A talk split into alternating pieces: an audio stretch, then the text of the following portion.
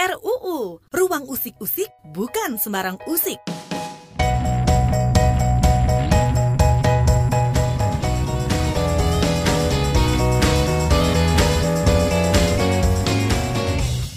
Pagi, berjumpa lagi di Ruang Publik KBR bersama saya Ines Nirmala. Hari ini tanggal 8 Juli 2020 hari Rabu, Ruang Publik KBR dipersembahkan oleh Koalisi Seni dan juga Filantropi Indonesia di mana kita bakal membahas seputar filantropi seni pasca pandemi. Wah, ini materi yang menarik sekali ya. Karena memang selama pandemi Covid-19 ini seni terbukti bisa memberi dampak positif bagi masyarakat. Berbagai macam inisiatif seni juga mendorong kebebasan berekspresi dan inklusi sosial. Dan selama masa pandemi ini mungkin kita juga jadi lebih banyak mengisi waktu dengan hal-hal yang menghibur kita salah satunya menonton konser musik dari rumah, mendengarkan lagu-lagu dan seni ini juga bisa membantu kita menyembuhkan trauma, menjadi bagian penting dari gerakan melawan ketidakadilan dan juga memberi suara bagi yang terpinggirkan. Seni juga memberi dampak ekonomi bagi pelakunya.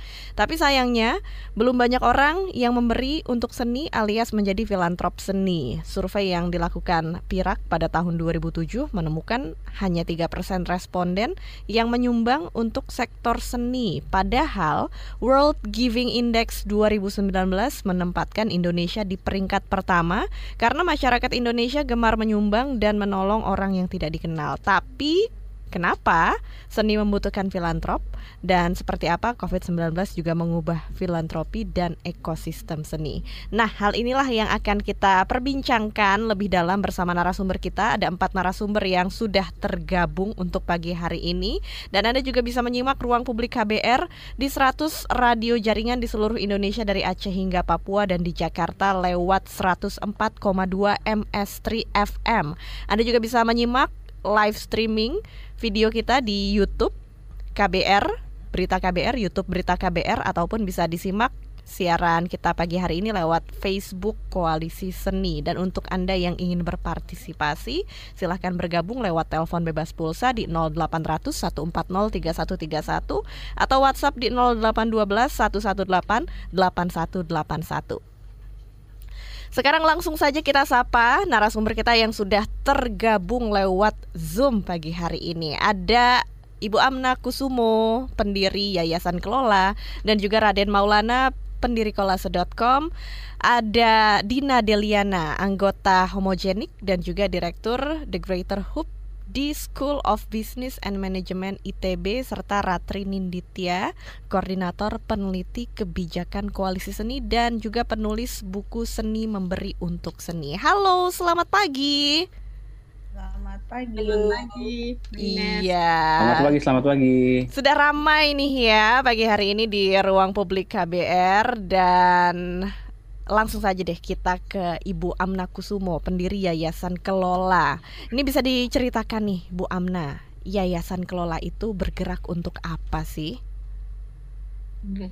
Jadi Yayasan Kelola itu didirikan tahun 1999 tuh, karena kami melihat bahwa dukungan untuk seni itu sangat sedikit. Nah, kalau apa uh, biasanya yang memberikan dukungan untuk seni adalah perusahaan-perusahaan besar, tapi mereka selalu melihat itu sebagai upaya pemasaran sehingga mm-hmm. yang didukung adalah seniman-seniman yang terkenal gitu. Nah, kalau hanya itu yang didukung lagi lalu bagaimana seniman muda yang punya potensi itu bisa tumbuh. Nah, keprihatinan itulah yang membuat kami mendirikan Yayasan Kelola sebenarnya begitu. Oh, gitu. Jadi untuk para bibit-bibit muda ini juga dibantu untuk karya-karyanya ya, Bu ya. Iya, betul. Iya, dan kita kan pagi hari ini juga membahas temanya filantropi seni. Nah, bisa dijelaskan juga nih Bu Amna, apa sih yang dimaksud dengan filantropi seni itu? Oke. Okay. Uh, eh, filantropi itu kalau kita cari, misalnya kalau kita Google gitu banyak sekali penjelasannya yang kadang-kadang tidak selalu sama gitu. Tapi yang sama adalah bahwa itu berasal dari dua kata dari bahasa Yunani, filan dan tropos, yang artinya kasih akan sesama manusia gitu. Oh. Nah, kasih akan sesama manusia ini adalah yang mendorong manusia untuk membantu sesama yang meningkatkan kesejahteraan bagi uh, kegiatan apa saja yang dekat di hatinya begitu. Jadi bisa kegiatan kesenian, kegiatan yang lingkungan, kegiatan dengan anak-anak dan sebagainya. Itu yang diwujudkan dengan memberikan sumbangan untuk satu tujuan yang dianggap berguna dan juga berdampak positif bagi masyarakat. Sebenarnya secara ringkas begitu gitu. Iya. Tapi sebenarnya menurut saya filantropi tidak uh, untuk pembicaraan hari ini saya ingin fokus pada sumbangan dana gitu. Mm -hmm. Karena sumbangan dana ini yang di Indonesia masih sangat lemah gitu. Mm -hmm. Padahal dana itu sangat diperlukan juga ya untuk para seniman ini untuk menghasilkan karya-karyanya ya Bu ya. Saya kira iya betul itu, tapi bukan cuma untuk seniman, pekerja pegiat-pegiat lingkungan itu kan juga tidak bisa bergerak tanpa dana gitu. Mm -hmm. Nah biasanya dana-dana untuk lingkungan itu dengan sangat uh, sampai saat ini masih banyak sekali didukung oleh eh, lembaga-lembaga uh, donor dari luar negeri gitu. Mm -hmm. Yang sebenarnya tidak perlu lagi gitu karena kita sebagai bangsa Indonesia harusnya sudah mampu mendukung kegiatan-kegiatan yang berdampak pada kebaikan bangsa Indonesia sendiri begitu. Iya, Bu Amna mungkin bisa menceritakan salah satu pengalaman tentang seniman atau pekerja seni yang akhirnya bisa dibantu disupport juga lewat yayasan kelola ini. Gimana Bu pengalamannya? Ada uh, seniman siapa gitu misalnya? Banyak sekali sih hmm. kalau mau menyebut sebenarnya hmm. banyak sekali ya. Hmm. Tapi kalau kita menyebut beberapa nama yang misalnya dari tidak dikenal menjadi dikenal hmm. gitu ya Misalnya itu ada yang sekarang lagi ngetren mm-hmm. itu Ria Paper Moon, tahu nggak ya? Namanya. Oh iya iya iya tahu yang ini ya uh, boneka gitu ya bu ya? Boneka. Mm-hmm. Ya jadi karya Ria yang sering sekali dipentaskan dan sebagainya sampai sekarang juga masih dipentaskan mm-hmm. itu adalah karya yang dibuat ketika mendapat hibah dari Yayasan Kelola. Nah, oh. dari situ kan kita uh, melihat ya betapa pentingnya membantu. Itu waktu itu Ria kalau nggak salah tahun 2010 gitu. Itu oh. mungkin dia masih oh. umurnya baru 20 berapa gitu. Oh gitu. Oke. Okay. Nah, kalau kita perusahaan besar mungkin mm -hmm. ya dicuekin aja gitu ya Bu ya. Uh -uh. Tapi ini lewat bantuan Yayasan Kelola jadi bisa mendorong dalam berkarya. Oke, baik sekarang kita ke narasumber yang lain, Mbak Ratri Ninditya yang juga merupakan penulis buku Seni Memberi untuk Seni dan juga koordinator peneliti kebijakan Koalisi Seni. Mbak Ratri, selamat pagi. Halo, pagi. Iya nih. Ini buku terbaru ya yang diterbitkan oleh Koalisi Seni dan Filantropi Indonesia. Judul bukunya Seni Memberi untuk Seni. Seperti apa nih uh, potret ekosistem seni dan filantropi seni di Indonesia saat ini kalau dari kacamata Mbak Ratri? Mungkin uh, aku jelasin sedikit uh, hmm. tentang bukunya dulu kali ya. Iya. Jadi uh, kalau bukunya ini itu sebenarnya seperti sebuah panduan awal untuk teman-teman yang punya minat atau passion atau suka dengan bidang seni dan ingin mulai membantu buat seni gitu. Jadi di dalam situ um, kita cerita gimana um, bahwa kalau membantu itu sebenarnya tidak harus berupa uang seperti tadi yang Bu Amna ceritain gitu ya. Tidak harus berupa uang dan kalaupun berupa uang itu tidak harus dalam jumlah besar tapi bisa dalam jumlah kecil. Um, terus um, di situ juga kita paparkan beberapa uh, perubahan-perubahan baru yang terjadi dalam cara orang membantu gitu ya kayak kalau sekarang misalnya kita punya platform digital gitu dan mulai ada bentuk-bentuk uh, semacam uh, bantuan yang lewat platform digital itu yang biasanya kita sebut juga dengan patungan online gitu ya jadi kita rame-rame membantu dalam jumlah kecil untuk sebuah karya atau sebuah uh, seorang seniman gitu dan uh, untuk membantu karyanya ini supaya jadi misalnya gitu atau atau di, dibeli gitu. Iya. Uh, itu sih. Nah tapi uh, terus menarik juga kita ngelihat sekarang selama masa pandemi sebenarnya uh, kayak Mbak tadi bilang ya geliat hmm. komunitas seni atau geliat filantropi seni itu sebenarnya uh, sangat kerasa banget dan kelihatan banget dampaknya terutama di lingkup komunitas sebenarnya gitu. Mm -hmm. Jadi kita lihat bang banyak banget uh, contoh-contoh teman-teman komunitas seni di berbagai daerah gitu ya, yang misalnya uh, menggunakan uh, ruang pribadinya untuk untuk menjadi dapur umum atau mem mm -hmm. mengumpulkan bahan makanan di sanggarnya masing-masing atau mungkin uh, menyediakan ruang digital untuk teman-teman uh, apa namanya berbagi karya dan um, berdiskusi gitu ya. Terus ada lagi yang bahkan menggunakan seni itu sendiri sebagai uh, alat pemulihan gitu kan. Iya. Terus misalnya juga seni juga digunakan sebagai um, pemantik untuk orang membantu mm -hmm. atau sebagai apresiasi kepada donaturnya gitu. Jadi ada uh, ada banyak banget contoh-contoh uh, kegiatan filantropi yang dilakukan di level komunitas gitu ya. Mm -hmm. Cuman memang terus habis itu permasalahannya adalah itu kecil-kecil di mana-mana mm -hmm. dan sporadis gitu kan. Mm -hmm. uh, kayaknya tuh kalau kalau di lingkup komunitas ini tuh kayak jadi udah awam banget teman eh, teman-teman tahu kalau berkesenian sama ber berfilantropi tuh uh, apa ya uh, bedanya tipis banget gitu mm-hmm. jadi kayak mereka tuh sudah sangat terbiasa gitu ya karena jiwa solidaritasnya tinggi dan apa ya memang tidak berpikir untuk apa pamrih atau apa ya membantu membantu aja gitu kan mm-hmm. jadi kayaknya tuh aspek solidaritas tinggi gitu um, dan kita bisa ngeliat bahwa uh, urgensi menghidupkan seninya itu kan kayak tinggi banget dan mereka ya udah langsung aja gitu spontan tanpa tanpa apa ya namanya tanpa tanpa mikir sama-sama berpi apa namanya um, bekerja sama sama seniman dan non seniman untuk untuk apa namanya mencurahkan pikiran tenaga dan waktu untuk bereksperimen akan bentuk-bentuk kesenian baru yang bisa dilakukan gitu misalnya selama okay. social distancing gitu. Iya, baik. oh iya oh iya satu lagi uh, mbak. Iya.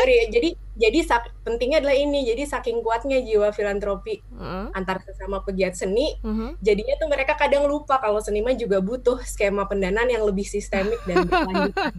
Jadi dibayarnya mungkin pakai makasih aja gitu ya, saking suka ya, berfilantropi ya. Tapi sebenarnya Iya, memang sebenarnya untuk berkarya pun ini uh, butuh dibantu, salah satunya dengan pendanaan. Nah, kita juga bakal ngobrol nih sama salah satu uh, pendiri dari kolase.com yang ini merupakan sebuah wadah crowdfunding. Ada Raden Maulana. Selamat pagi, Mas Raden.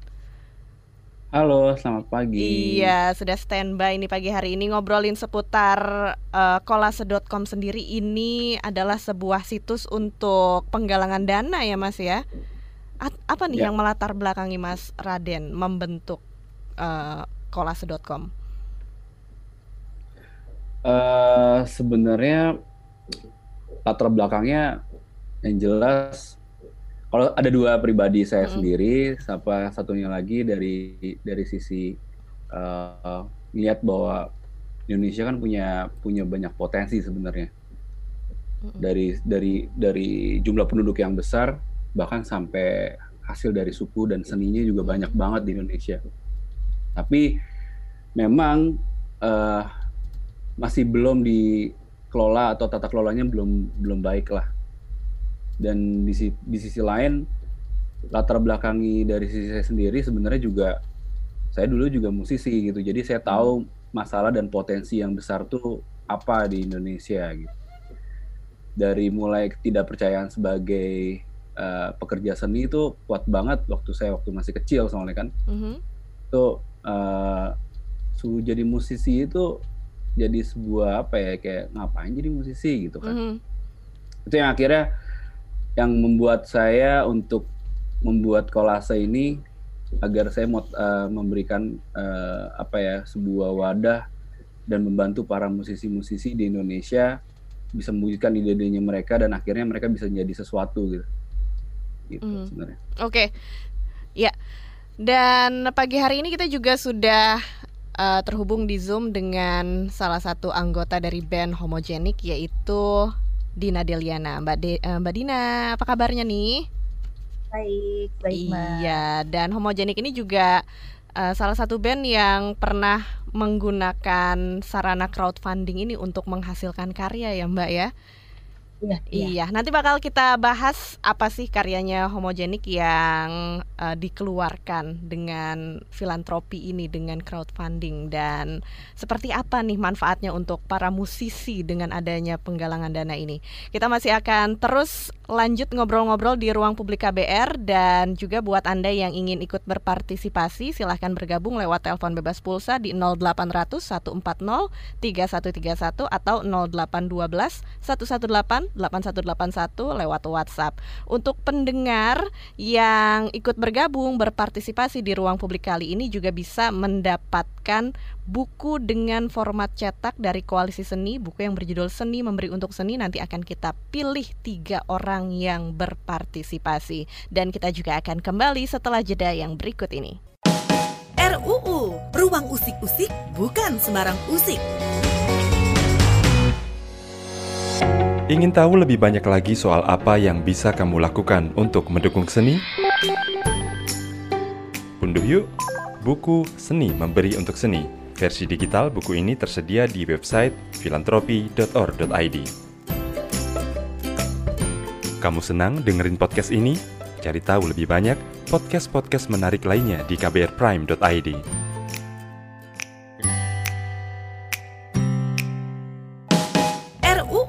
Ruang Usik-Usik bukan sembarang usik. Kita masih membahas tema kita pagi hari ini filantropi seni dan juga siaran ruang publik KBR bersama saya Ines Nirmala dan juga narasumber yang tergabung lewat Zoom. Pagi hari ini ada Ibu Amna Kusumo pendiri Yayasan Kelola, kemudian Raden Maulana pendiri kolase.com, Dina Deliana anggota band Homogenik dan Ratri Ninditya dari Koalisi Seni. Nah, kita lanjutkan lagi ngobrol-ngobrolnya tapi sebelum itu saya ingatkan buat pendengar yang bergabung berpartisipasi nanti bakal kita pilih tiga penanya untuk bisa mendapatkan buku dengan format cetak seni memberi untuk seni. Dan untuk Anda yang ingin bergabung silahkan langsung saja WhatsApp di 0812 118 8181 dan juga lewat telepon bebas pulsa di 0800 140 3131. Langsung saja kita ke Mbak Dina Deliana dari Homogenik. Hai Mbak Dina. Hai Mbak. Iya, lagi sibuk apa nih akhir-akhir ini? Um, homogenik sih kita lagi lagi mau rilis single baru mbak kira-kira wow. di bulan. Jadi um, tetap produktif sih walaupun dalam keadaan pandemi gini. Wah mantap ya, tidak menghentikan untuk berkreasi. Tidak tidak. tidak. Iya dan udah ada lima album ya so far homogenik ya? Ya ya. Iya dan bisa diceritakan nih Mbak Dina dari homogenik sendiri ada karya apa saja yang dikeluarkan lewat filantropi? Uh, jadi kita tuh pernah uh, yang pertama kali gitu ya dikenalkan dengan crowdfunding itu ketika itu tahun berapa ya sekitar waktu ada film demi ucok mungkin teman-teman pernah tahu juga. Jadi film itu sendiri dibuat atas uh, dasar crowdfunding juga gitu ya dari sisi pendanaannya dan uh, kita kebetulan jadi salah satu I mean, uh, soundtrack kita soundtrack film itu adalah yang mengerjakannya homogenik semuanya gitu ya jadi uh, kan saat itu kita butuh biaya untuk produksi gitu ya dari mulai recording dulu belum belum belum secanggih sekarang ya untuk recording jadi memang kita mm -hmm. masih harus ke studio gitu ya harus bayar biaya uh, mastering gitu ya mm -hmm. terus juga chat dan segala macam itu uh, benar-benar dari dana crowdfunding yang digalang bareng tim uh, demi ucok the movie-nya mm -hmm. saat itu dan dan uh, apa dalam waktu lumayan singkat sih sekitar satu bulan gitu ya mereka berhasil berhasil uh, crowdfund sampai 2 sampai 3 m nih kalau nggak salah saat wow. itu Yeah. Ya dan ya kita juga ya termasuk uh, dananya itu untuk membiayai proses dari mulai produksi si hingga post produksinya si albumnya homogenik yang demi ucok itu gitu saat itu. Jadi jadi uh, lumayan lah gitu ya dari situ lagu-lagu uh, yang uh, selain apa namanya selain buat bikin lagu juga selain buat uh, di film juga kita pun dapat dapat pembiayaan gratis untuk pembuatan video klip juga saat itu gitu. Jadi kan itu lumayan biayanya besar ya. Mm-hmm. Dan uh, itu pun dari dana crowdfunding juga gitu. Jadi itu pengalaman pertama kita untuk uh, crowdfunding bareng-bareng sama tim demi Ucok sih saat itu. Okay. Jadi kita juga uh-huh. Untuk mencari dana dan mempromokan juga. Gitu. Iya, nanti bisa diceritakan ya pengalaman-pengalaman selanjutnya nih dalam hmm. filantropi seni ini. Tapi sebelumnya sekarang kita sapa dulu pendengar kita yang sudah bergabung lewat telepon ada Bapak Owi di Cirebon. Ya. Halo Pak Owi, selamat pagi. Halo, selamat pagi. Iya, langsung aja nih apa yang ingin iya. ditanggapi atau ditanyakan? Untuk di kota Cirebon sendiri, mm-hmm. sepertinya belum seperti yang di kota besar lainnya. Mm-hmm. Sedangkan kalau di Cirebon sendiri banyak seni budaya, artis ataupun seniman ya, uh, untuk menggiatkan kembali uh, kondisi seperti ini. Mohon dong arahannya bagaimana kira-kira melihatkan kembali saat pandemi. Sedangkan seniman seniman di Cirebon itu banyak banget dan mereka membingung bingung bagaimana kita harus melalui di mana dan bagaimana. Iya. Jangan ada tadi dengar ada yang gratis atau apa gimana Oke. Okay. mendapatkan sesuatu. Tolong minta dicerahkan. Iya. Oke, terima kasih Pak Owi di Cirebon. Ya, jadi ini pertanyaannya Pak Owi bagaimana nih seniman-seniman di Cirebon yang jumlahnya banyak ini bisa digiatkan juga. Caranya gimana? Mungkin dari Ibu Amna bisa memberi informasinya nih atau tips-tipsnya? Uh, selamat pagi Pak Owi dari Cirebon. Sedang sekali ada orang dari Cirebon yang pagi-pagi mendengarkan acara ini. Uh, saya kira kita harus mulai dari daerah kita masing-masing ya. Saya yakin di Cirebon itu juga pasti ada orang-orang yang mau menyumbang untuk kegiatan kesenian di Cirebon. Tapi memang seperti di mana pun itu selalu butuh motor gitu. Lo ada orang yang harus menggerakkan itu gitu. Nah saat ini dengan kemajuan teknologi sebenarnya menggerakkannya itu lebih uh, lebih mudah ya kalau dulu zaman saya waktu baru mulai tahun 99 tuh kita benar-benar harus ke sana kemari bertemu orang untuk men menjual gagasan-gagasan yang mau kita uh, lakukan. Kalau dengan teknologi sekarang itu kan bisa melalui platform-platform crowdfunding dan sebagainya gitu. Nah, saya tuh sekarang percaya bahwa platform inilah yang akan menyelamatkan Indonesia gitu loh. Mm -hmm. Karena orang bisa menjadi filantropis tanpa menyumbang banyak-banyak gitu. Kalau kita dulu bilang filantropis itu nama yang muncul adalah Soros, Open Society, Ford Foundation gitu. Tapi sekarang dengan platform-platform crowdfunding ini anak pemuda Indonesia lah yang akrab dengan teknologi yang bisa nanti menjadi motor untuk menggerakkan uh, penggalangan dana di daerahnya masing-masing. Iya. Jadi saya kira Pak ya. harus ke sana, Pak. Oh gitu. Atau mungkin uh, Mas Raden juga mau menambahkan nih bagaimana caranya untuk memberi pendanaan atau gimana caranya untuk menggiatkan kembali para seniman. Silakan Mas Raden Maulana dari ko, uh, kolase.com. Oh ya. Oke, selamat pagi. Terima kasih uh -huh. Pak udah bisa bergabung pagi ini. Uh, kalau saya setuju dengan tadi Bu Amna mengenai uh, untuk melakukannya sekarang bisa menggunakan wheelsnya adalah dari dari platform-platform atau digital gitu. Karena digitalisasi itu bisa mempercepat semuanya gitu. Yang tadinya uh, semuanya dengan dengan apa namanya konvensional yang sulit untuk uh, memberikan promosi dari sisi budaya budaya-budaya atau seni yang di daerah masing-masing sekarang dengan adanya uh, digitalisasi lebih lebih cepat. Dan itu saya setuju dengan itu. Tapi yang paling penting sebenarnya uh, bukan penggalang dananya sih sebenarnya dari awal awal pertama kalau saya dengar tadi. Saya sebenarnya niatnya malah justru uh, gimana caranya untuk untuk uh, masyarakat di Cirebon khususnya pegiat seni itu tuh juga lebih orang bisa tahu apa yang sebenarnya ada di dalam uh, seni apa yang ada di dalam itu dengan dengan begitu kayanya gitu.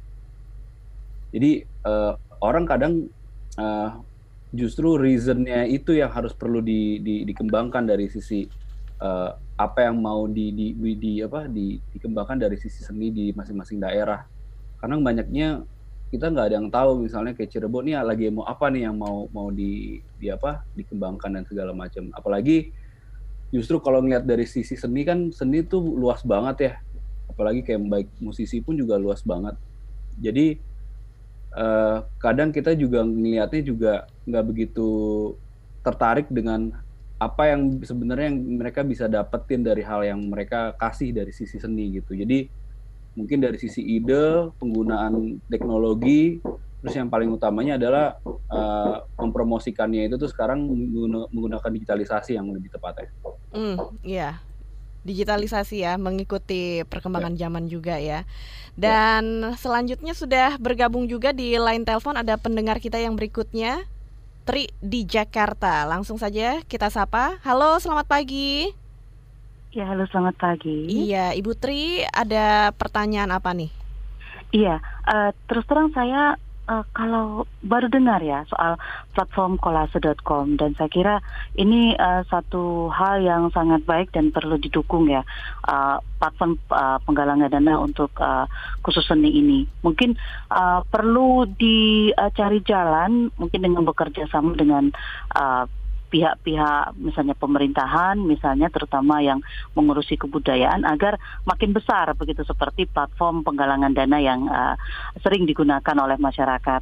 Nah yang kedua uh, saya kira um, ke daerah memang uh, kayaknya masih kurang banyak perhatian ya, terutama untuk kesenian-kesenian daerah, apalagi pasca pandemi ini yang uh, mungkin uh, bisa dibilang mati suri begitu. Nah, apakah uh, saya ingin bertanya apakah kolase.com ini juga uh, menaruh concern untuk kesenian-kesenian di daerah termasuk tadi seperti saya dengar penjelasannya Mas Raden itu um, apa uh, membuat uh, semacam digitalisasi seni di daerah supaya makin dikenal ketika masyarakat kenal maka masyarakat mungkin lebih tersadarkan untuk mau membantu uh, uh, kesenian di daerah agar mampu bangkit dan uh, bisa terus berkembang. Saya kira itu terima kasih. Oke, terima kasih Bu Tri dan Mas Raden Maulana mungkin bisa menanggapi setelah ini karena kita akan jeda dulu sebentar. Dan untuk Anda yang ingin mendengarkan siaran pagi hari ini, siaran kita juga bisa disimak lewat YouTube Berita KBR dan juga Facebook Koalisi Seni. Dan ada tiga penanya yang nanti akan kita pilih untuk mendapatkan buku seni memberi untuk seni dalam format cetak yang akan kita pilih ya dan kita akan kembali setelah jeda yang satu ini. RUU Ruang Usik-Usik bukan sembarang usik. Ingin tahu lebih banyak lagi soal apa yang bisa kamu lakukan untuk mendukung seni? Unduh yuk buku Seni Memberi untuk Seni Versi digital buku ini tersedia di website filantropi.org.id. Kamu senang dengerin podcast ini? Cari tahu lebih banyak podcast-podcast menarik lainnya di kbrprime.id.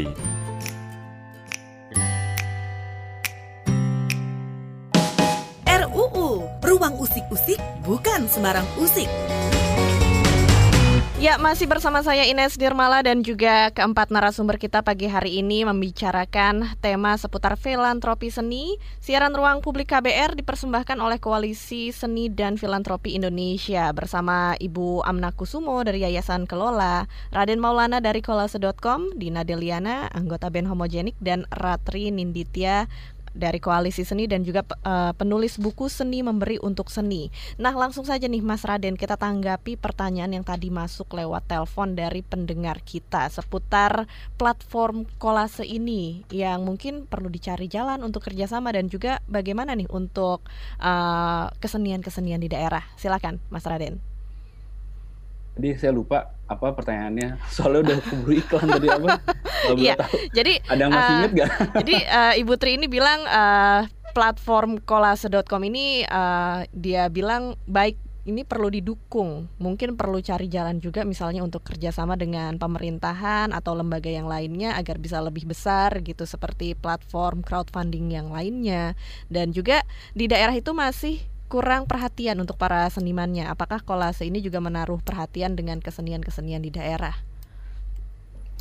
Oke, uh, untuk harapannya sebenarnya juga kolase uh, inginnya juga banyak banyak apa uh, bekerja sama dengan pihak-pihak yang yang lebih luas lagi ya, mm-hmm. lebih ke pemerintah juga Kemenparekraf. Tapi memang kebetulan memang kolase dari de, uh, kolase itu kan terbentuk masih 2018 dua, uh, 2018 Februari dan kita baru bootstrap itu setahun dari sampai akhirnya 2019 baru mulai kita mau mau lebih mau sprint tadinya gitu. 2020 ini kita udah mau mulai uh, menambah tim tapi memang kondisinya ada perubahan pemilu kemarin terus jadi Backcraft jadi main Kemen Parekraf. Mm-hmm. Terus ditambah lagi uh, 2020 kita udah mau mulai lari ada ada pandemi COVID-19 gitu. Jadi memang masih banyak banyak ininya masih hambatan-hambatannya memang banyak. Tapi semoga yeah. dengan ada acara ini kita mm-hmm. jadi ke mention ke beberapa uh, baik itu korporasi ataupun pemerintah yang yang yang mau bekerja sama dengan kolase. Iya. Saya sangat terbuka untuk itu. Iya. Dan uh, uh, apa namanya uh, di kolase sendiri sebenarnya kolase memang diperuntukkan untuk umum. Mm-hmm. Jadi nggak cuma di kota-kota besar ataupun di Jakarta, tapi justru memang uh, uh, seni seni dari seni daerah atau nggak cuma musik, tapi ke seni lainnya juga sangat dibuka untuk kolase sendiri sebenarnya.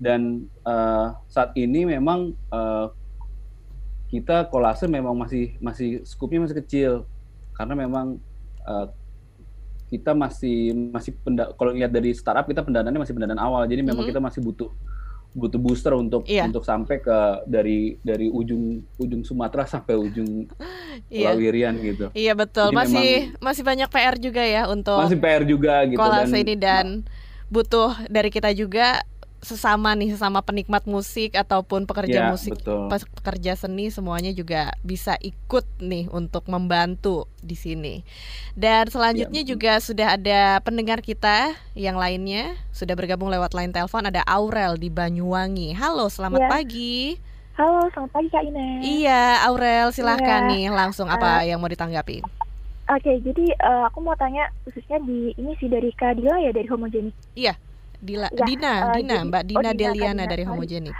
Oke, okay. uh, aku mau tanya nih gimana sih caranya supaya uh, bisa produktif untuk dan berani untuk go public dan uh, kayak crowdfunding tadi untuk teman-teman dari mahasiswa karena kan banyak dari kita yang punya kayak grup-grup uh, musik ya lebih uh, kalau misalkan musisi kayak kurang nih karena musisi kan kelihatannya gede kayak grup-grup musik itu yang ternyata punya talenta tersendiri dan kita mau nih kayak uh, go public itu atau gimana cara kita bisa produktif untuk menghasilkan uh, musik-musik baru gitu di tengah pandemi yang kayak gini tuh gimana ya? Iya, Aurel masih mahasiswa juga kah? Uh, iya. Oh gitu dan sekarang aktif buat uh, grup musik gitu ya?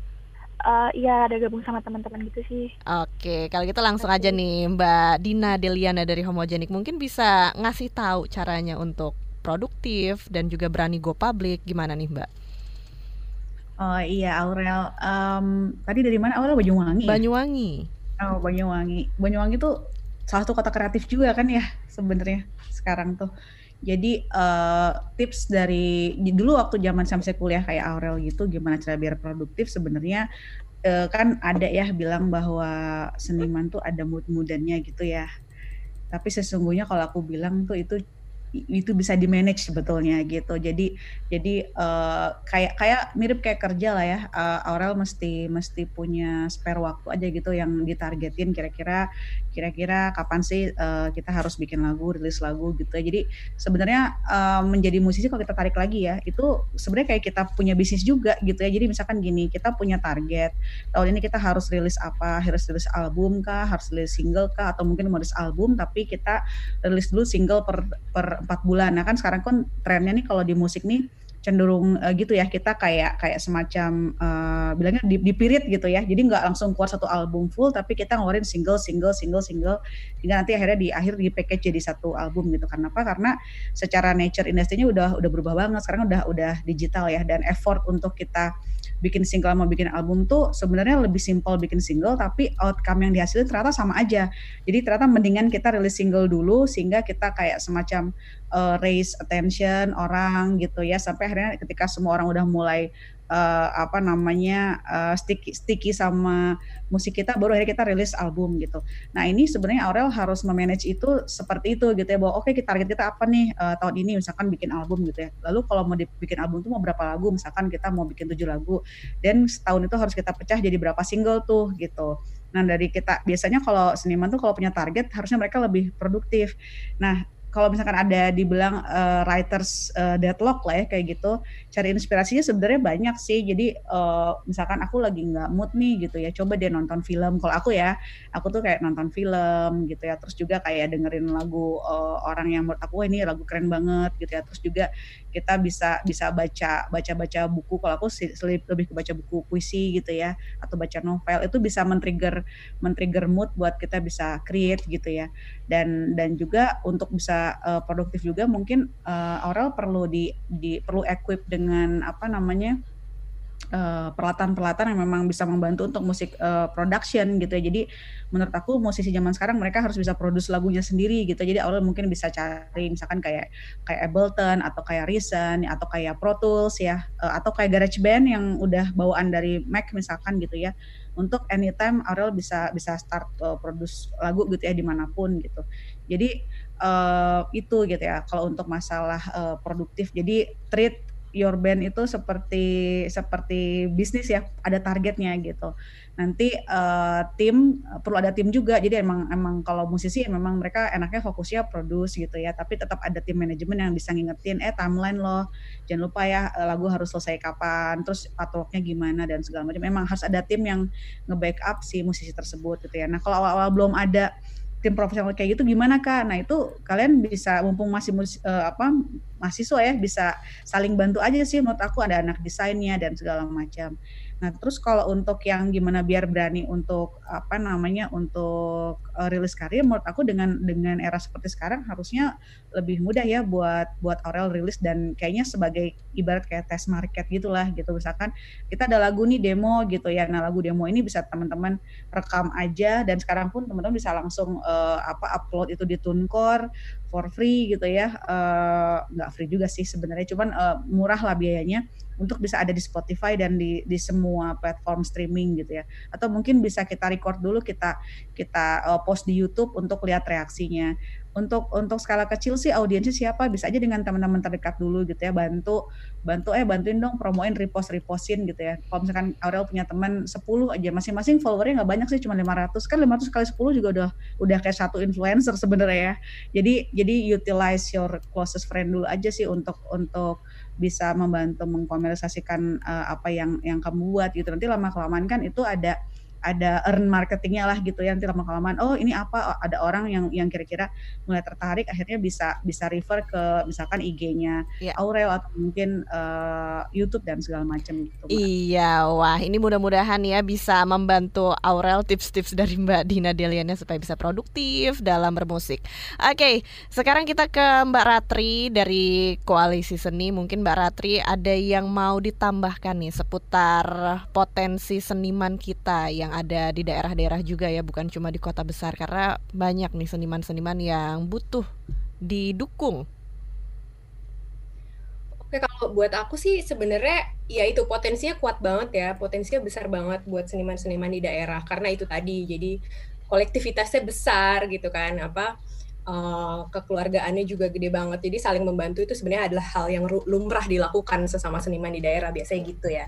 Cuma memang uh, terus permasalahannya adalah gimana nih biar potensi ini um, tetap menyala dan nggak mati gitu aja gitu kan. Karena sekarang kan setelah berapa bulan setelah pandemi kita banyak mendengar teman-teman kita mulai pada tutup tuh um, toko buku pada mulai kesusahan bayar sewa, sanggar-sanggar mulai tutup untuk sementara karena nggak bisa bayar sewa. Jadi udah mulai kelihatan bahwa uh, potensi ini tuh kayaknya butuh dukungan yang lebih besar gitu dan dan terencana dari pemerintah sebenarnya gitu sih.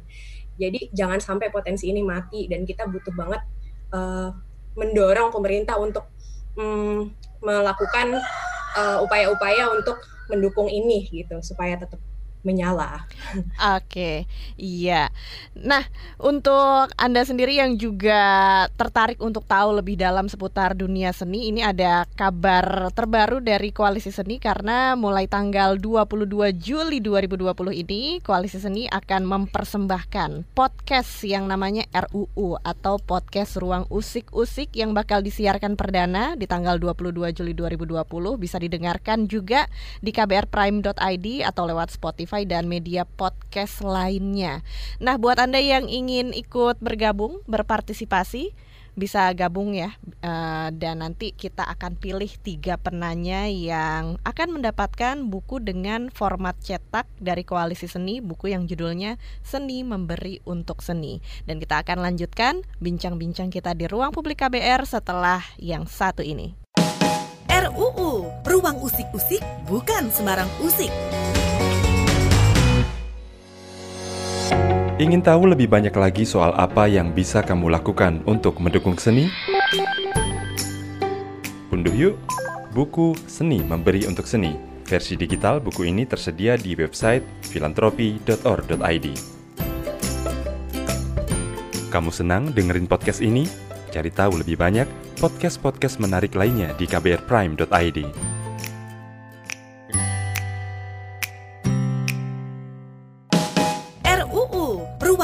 usik bukan sembarang usik. Ya, kita hari ini masih membicarakan seputar filantropi seni di Ruang Publik KBR bersama saya Ines Nirmala dan Ruang Publik kali ini dipersembahkan oleh Koalisi Seni dan juga Filantropi Indonesia. Sudah bergabung lewat YouTube ada pendengar kita juga yang komen-komen, ada Mediana yang komentarnya adalah setelah adanya SKB Mendikbud dan Menparekraf tentang protokol kesehatan dan fasilitas seni budaya, bagaimana gerak filantropi kemudian? Apakah melengkapi? Jika iya, melengkapinya seperti apa? Dan apakah ada skema baru atau tetap jalan seperti biasa? Mungkin Bu Amna ini bisa bantu untuk menjawab nih Bu, bagaimana uh, kesenian kita sekarang ini? Apakah gerak filantropinya terbatasi atau melengkapi setelah ada protokol kesehatan untuk fasilitas seni budaya? Uh, Oke, okay. terima kasih. Pertanyaannya tadi siapa Mediana? Ya? Mediana. Ya? Mediana. Memang dengan adanya apa uh, COVID ini banyak hal yang menjadi macet gitu ya, agak mandek lah gitu. gitu. Nah, filantropi tentu saja masih bergerak dan tapi karena kondisi seniman yang sangat sulit di banyak tempat, maka akhirnya saya melihat ada juga uh, perubahan. Seniman tuh banyak mendapat mengumpulkan dana di antara teman-teman sendiri untuk disalurkan kepada teman-teman lain yang sama sekali tidak bisa bekerja gitu. Jadi ada banyak gitu yang menjadi kesulitan. Misalnya saja bukan seniman yang ada di panggung saja, tapi orang-orang di belakang panggung. Misalnya orang tata cahaya, orang tata suara itu sekarang tidak ada acara apa pun acaranya daring kan? Daring tidak memerlukan itu semua. Jadi mereka benar-benar tuh tidak ada pekerjaan. Nah ini kan sudah cukup lama gitu sehingga kesulitannya luar biasa. Nah kami juga banyak membantu teman-teman seperti itu gitu. Jadi banyak sekali upaya-upaya untuk membantu saat ini di covid tuh fokusnya banyak pada bagaimana sih bisa ya kalau bisa bekerja tapi bisa hidup dulu gitu. Ada juga seperti itu. Ya. Bahkan ada teman yang dari Sumba hmm. yang punya apa uh, sawah yang kemudian mengirimkan beras dari sana. Hmm dan minta kelola menyalurkannya kepada teman-teman seniman di Jakarta. Gitu. Wah, sampai seperti itu ya Bu. Dan bahkan kalau kita akhir-akhir ini melihat selama masa pandemi COVID-19 sering ada acara amal, acara penggalangan dana dan itu pasti ada seniman, ada musisi contohnya yang diajak untuk meramaikan acara penggalangan dana. Tapi untuk senimannya sendiri ternyata juga masih butuh banyak bantuan juga, dukungan dalam uh, berkarya, melakukan kegiatan seni. Nah, Mas Raden Maulana mungkin bisa menambahkan nih, Mas.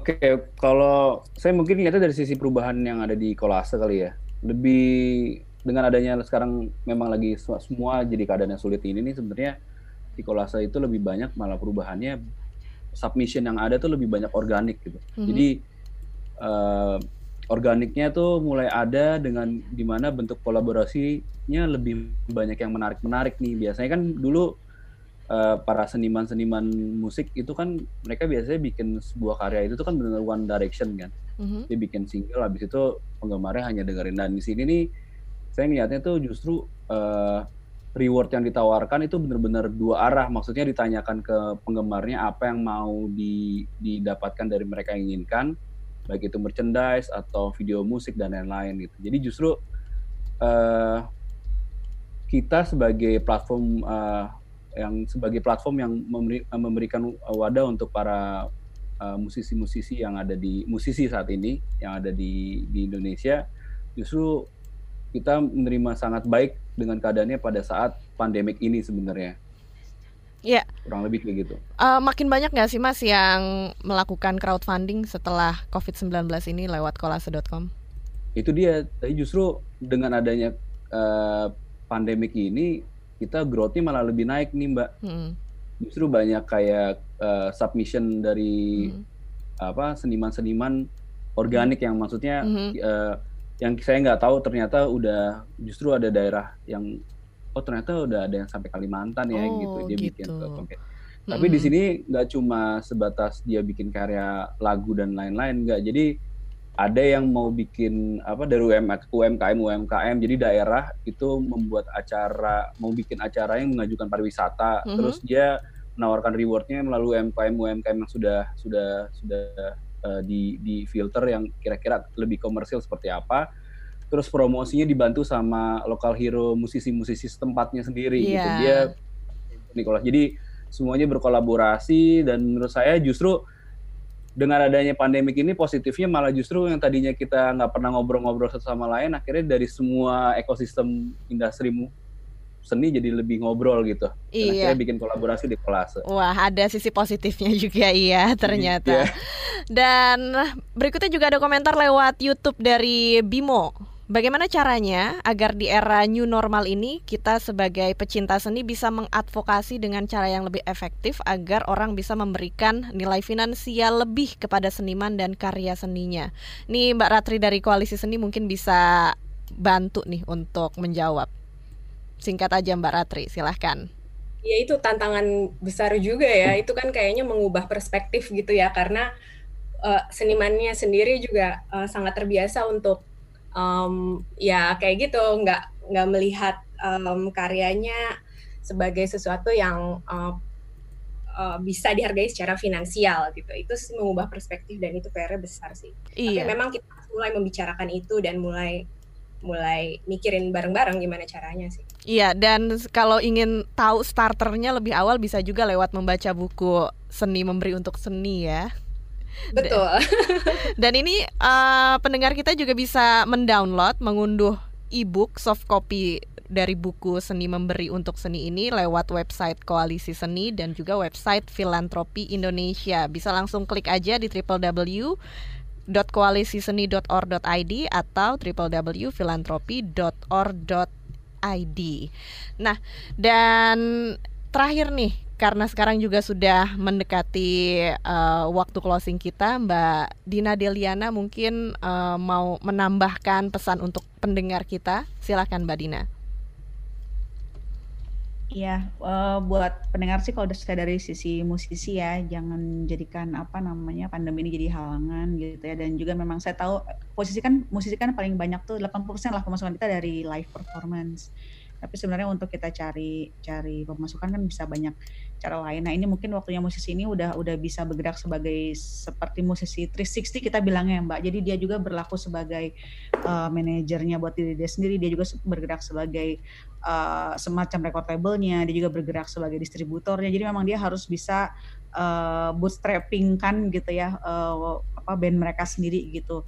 Jadi teman-teman di sini bisa cari uang dengan cara kayak yang kita lakukan bareng dengan kolase untuk single kita yang terakhir itu You're Not One itu kita coba coba menggalang dana melalui pembelian merchandise gitu ya. Nah teman-teman juga perlu tahu potensi pemasukan dari merchandise itu besar sekali gitu ya sebenarnya uh, dan dan uh, margin itu besar juga ya mau ya. Jadi uh, itu lumayan kemarin kita bisa membantu teman-teman juga selain juga bisa menutupi operasional kita gitu ya dengan uh, penjualan merchandise gitu. Jadi teman-teman mesti pintar-pintar gitu aja sih. Jadi selain selain apa namanya uh, membuat karya gitu ya teman-teman juga harus harus uh, pintar untuk mulai mencari pundi-pundi pemasukan lainnya gitu ya jadi treat your band atau karya kalian sebagai sebuah bisnis gitu ya. nah ini mungkin nggak uh, nggak banyak nih musisi yang sudah mulai berpikir uh, bisnis. Kenapa? Karena mau gimana pun ini ini masuk ke dalam sebuah ekonomi kreatif ya. Bagaimanapun walaupun ini adalah suatu karya, kalau dia memang tidak bernilai ekonomi ya namanya juga uh, berarti nggak ada orang yang menikmati gitu. Jadi teman-teman juga harus mulai mencari kira-kira dari mana ya bisa mendapatkan pemasukan gitu. Jadi yeah. itu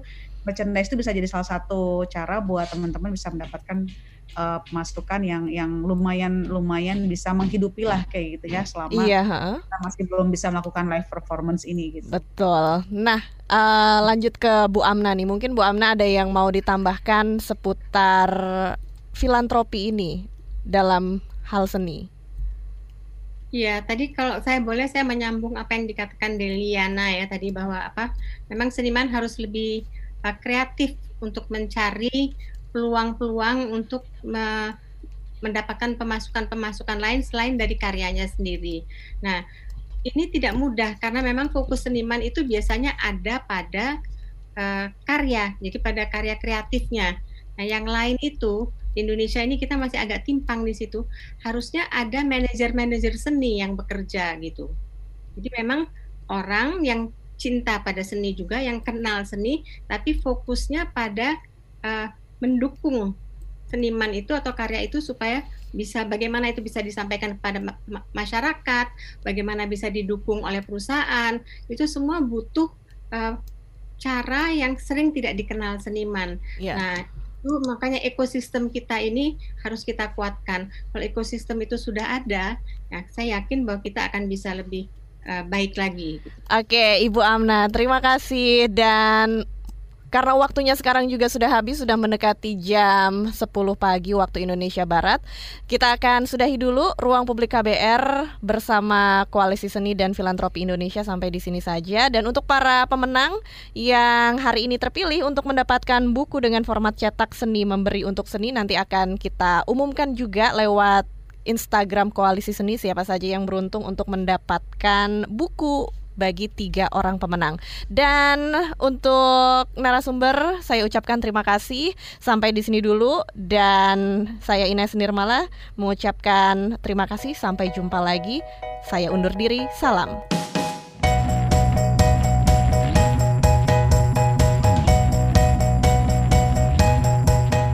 RUU Ruang Usik-usik bukan sembarang usik.